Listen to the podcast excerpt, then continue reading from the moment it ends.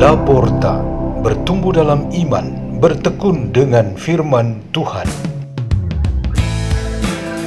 Radio Laporta, pintu terbuka bagimu untuk pertumbuhan pengetahuan dan kebijaksanaan tentang Allah.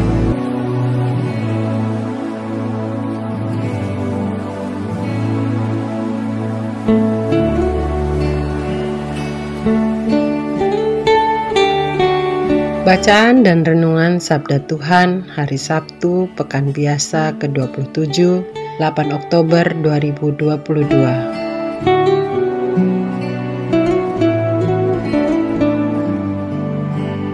Dibawakan oleh Tarsisius Tarsan dan Nimade Sumirati dari Komunitas Pukat Labuan Bajo, Keuskupan Ruteng, Indonesia.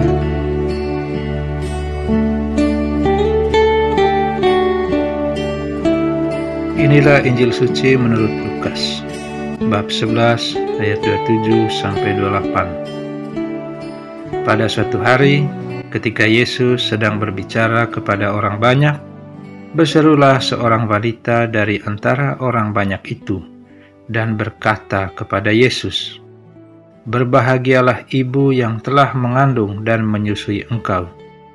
Tetapi Yesus bersabda, Yang berbahagia ialah mereka yang mendengarkan sabda Allah dan memeliharanya. Demikianlah sabda Tuhan.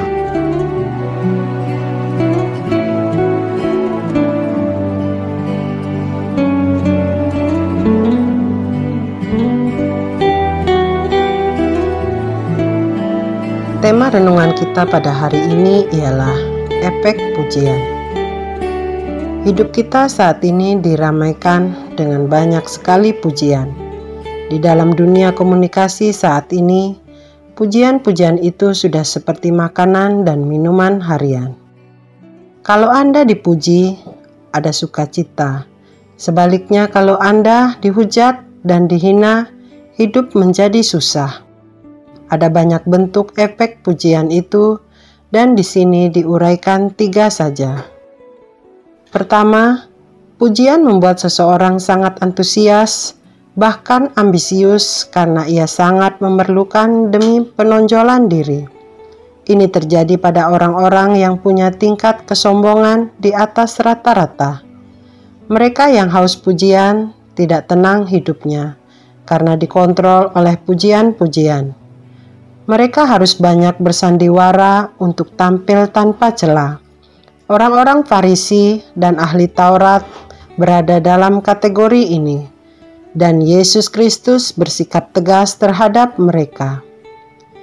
Kedua, pujian memotivasi seseorang untuk meningkatkan diri, usaha, dan hasil-hasil karyanya.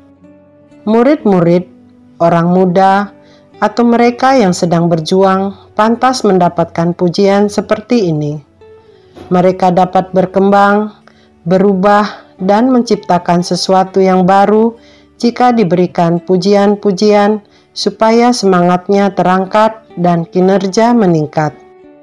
Yesus memperlakukan para rasul, anak-anak, orang miskin dengan cara ini. Santo Paulus dalam bacaan pertama memuji umat di Galatia bahwa berkat imannya mereka mendapatkan status anak-anak Allah. Mereka harus berusaha untuk mempertahankan status ini. Ketiga, dengan pujian seseorang menegaskan diri dalam kebenaran, kebaikan, cinta kasih, pelayanan, dan keutamaan hidup yang semuanya menyatu dengan identitasnya. Kategori ini sudah jelas mutlak ada pada Tuhan dan juga banyak orang lain yang berjalan dalam jalan dan terang Tuhan. Tuhan tidak berubah menjadi apa dan bagaimana kalau dipuji-puji. Ia tetap saja Tuhan yang Maha Kuasa, dan kita adalah anak-anak Allah yang dikasihinya. Demikian kata Santo Paulus di dalam suratnya kepada jemaat di Galatia.